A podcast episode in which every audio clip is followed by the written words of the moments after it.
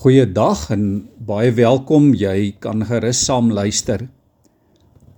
In Lukas 18 vers 8 kry ons hierdie vraag: Maar sal die seun van die mens by sy koms nog geloof op die aarde vind?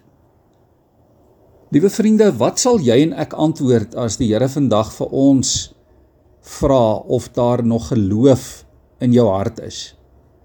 Dalk sal jy antwoord Ek het geglo toe ek 'n kind was, maar nou maak my verstand en my geleerdheid nie meer plek vir geloof nie. Of dalk sal jy sê ek het geglo, maar nadat my familielid met kanker gediagnoseer is, kan ek nie meer glo nie. Of jy sê dalk ek het geglo, maar nou voel die Here ver. Ek twyfel of die Here uh, bestaan. Ek kan nie meer bid nie. Of dalk sê jy Daar was 'n tyd toe ek geglo het, maar nadat ek my werk verloor het in my huis en al my besittings het twyfel my oorval. Ek glo nie meer die Here kan my help nie. My geloof is te klein. Dalk sê jy ek het geglo, maar die kerk en ander gelowiges het my seer gemaak en my geloof vernietig. Of jy kan dalk vandag sê ek het geglo, maar ek het alles wat ek nodig het. Ek het hard gewerk, ek is suksesvol.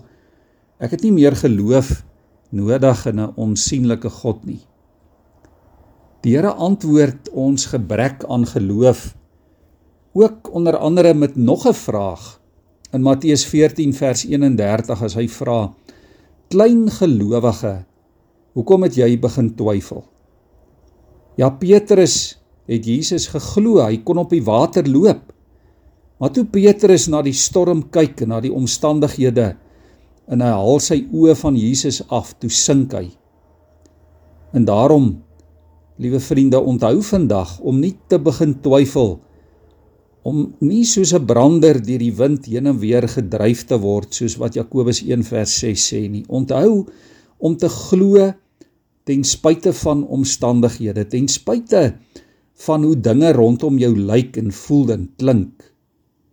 Ja, glo in die Here al is dit ten koste ook van jouself, ten koste dalk van vriendskappe of wat ook al. Hebreërs 11 vers 2 sê geloof is om oortuig te wees van die dinge wat ons nie kan sien nie. Ja, geloof is die sekerheid dat die Here is wie hy is en dat hy kan en sal doen wat hy sê. Hebreërs 11 vers 6 sê ook wie tot God nader moet hy glo moet glo dat hy bestaan en dat hy die wat hom soek beloon. Daarom kom vandag en vra vir die Here soos die apostels daar in Lukas 17 vers 5 Here gee vir ons meer geloof. Of soos die man in Markus 9 vers 24 wat gesê het ek glo maar help my in my ongeloof. Kom ons bid saam.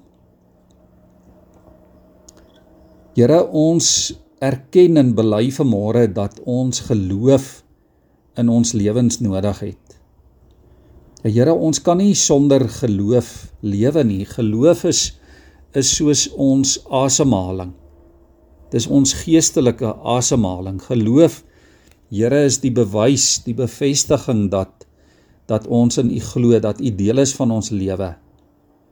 En Here dat U ook in ons lewe besig is dat U ook wonders en groot dinge in ons lewens kan doen. Maar Here, ons moet ook bely vanmôre dat omstandighede en soveel dinge wat met ons en rondom ons gebeur, dikwels kom en ons geloof bedreig en ons daarvan wil beroof. En daarom bid ons Here dat U vir ons deur U Heilige Gees en deur U woord sal help om te glo.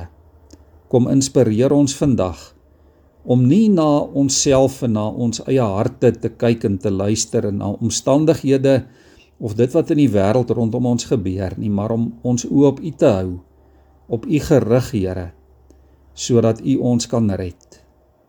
Kom bevestig ons geloof deur u teenwoordigheid ook vandag in ons en by ons. Amen.